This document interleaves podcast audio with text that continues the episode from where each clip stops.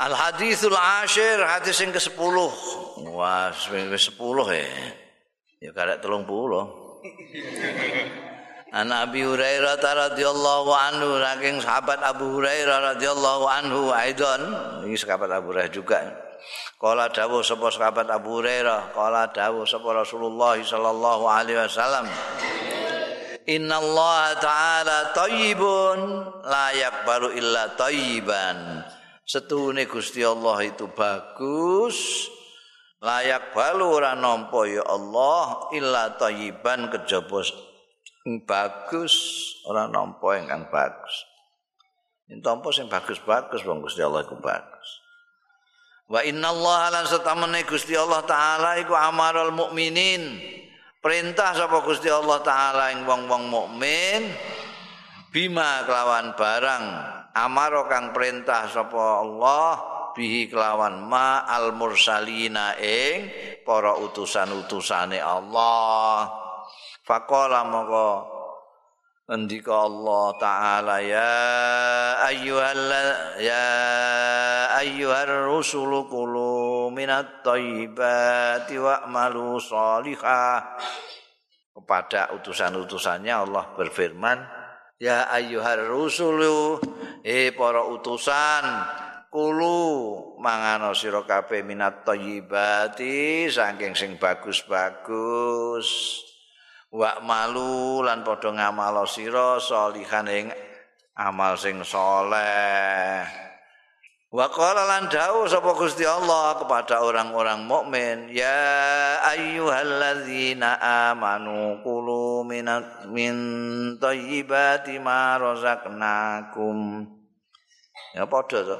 Eh wong-wong amanu kang padha iman ya alladzina qulu padha mangano sira kabeh min thayyibati marazaqnakum saking bagus-baguse barang kang paring rezeki sapa panjenengan ingsun kum ing sira kabeh. Jadi Gusti Allah itu thayyib dadi ora nampa sing ora thayyib Gusti Allah itu bagus. Dadi ora nampa sing ora bagus Gusti Allah iku apik. Dadi ora nampa sing ora apik. Gusti Allah perintah gini wong-wong mukmin kita orang ini sama dengan perintahnya kepada utusan-utusane. Ning gini utusan-utusane Gusti Allah taala dawuh ya ayyuhar rusulu qulu minat thayyibat wa malu sholihan do mangano sing apik-apik. Hmm. Mangan sing apik ku mangan sing halal, sing bergizi, aja sing mbebayani, aja mangan watu, aja mangan aspal eh? mangan sing apik-apik minat thayyibat aja mangan sing mendemi sing apik-apik. Ning ngene para utusan iki ana tambahane Pak malu solihan. Ngamal sing soleh. Mangan sing apik ngamal sing soleh. Mangan sing apik. Lah iku ana kaitane nek pakanamu rapi itu ngamalmu gak soleh. hmm? pakanan kok haram.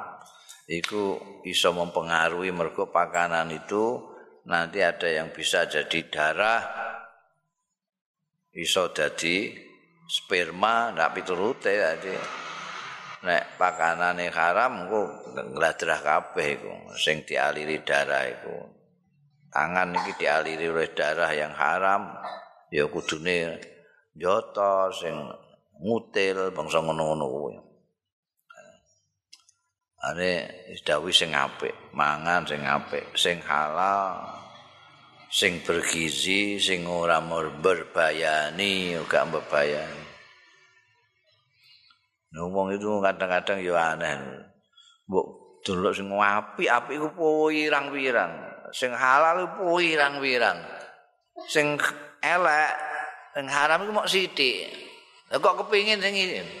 Ngombe misale, iku ana jene duduh kelapa, air kelapa, enek legen, enek teh, enek kopi, enek madu, enek apa neh sirup, enek apa neh. Pirang-pirang lah kok ngombe arak iku lah apa? Aneh wong. Ya pakanan ya pirang-pirang kowe ngulek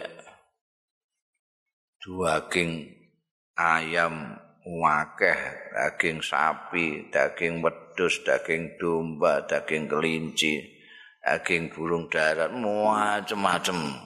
Mau dilarang mau sidik ngono babi, kok iso kepengin babi. Ini wong manusa iki pancen dilarang itu terus kepengin. Mangano minat thayyibati ma razaqnakum. Kowe diparingi rezeki masyaallah mbek Gusti Allah taala. Itu golek sing apik-apik golek pangan. Itu ana pengaruhe ning gone awakmu.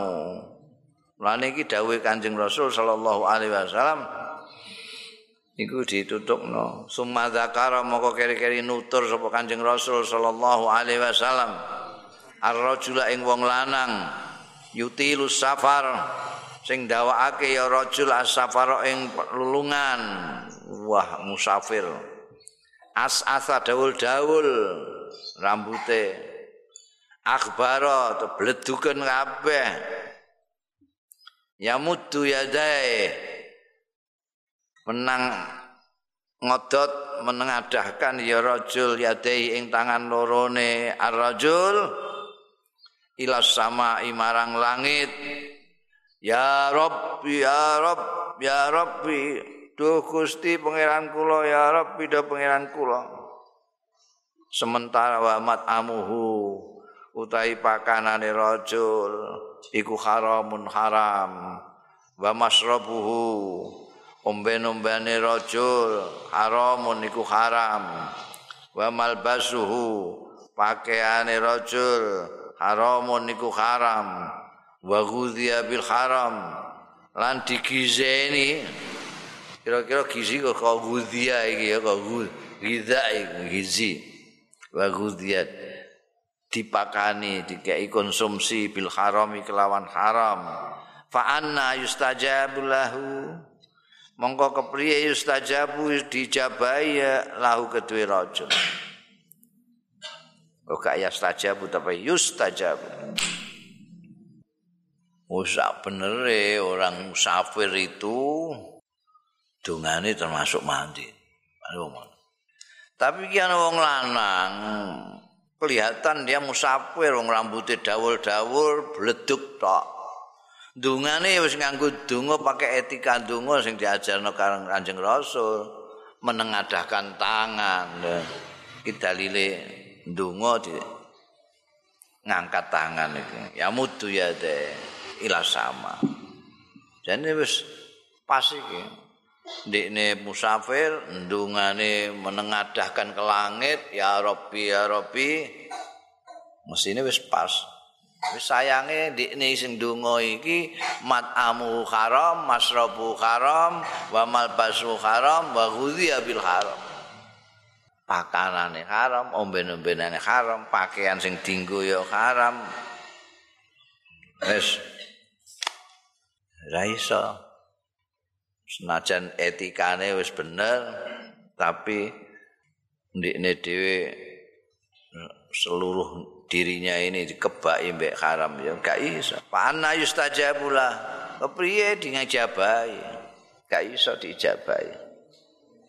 Ini ndelok iki bisa kita simpulkan bahwa termasuk syarat dijabaine donga kuwi di samping dungane tenanan, tangane diangkat, njaluk ning pangeran, tapi juga ada syarat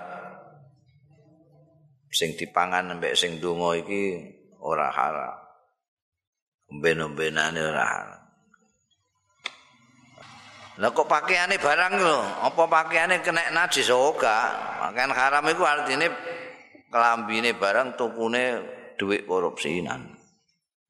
Ngene.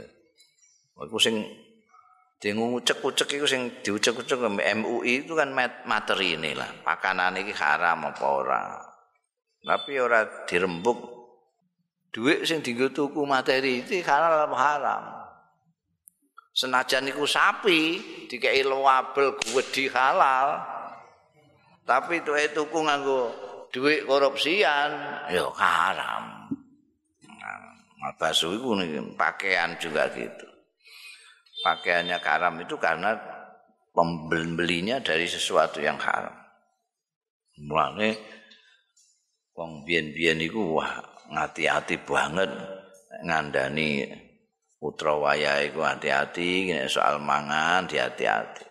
Panganan lambi umben-umben jangan sampai kemasukan yang haram. Nanti ana wong wong apa jenenge? Wong tua-tua iku tek ngajariku ana income itu pemasukannya itu didewekno. Iki sing hasil saka sawahe tuke nandur-nandur beras dhewe anu segala macam iki.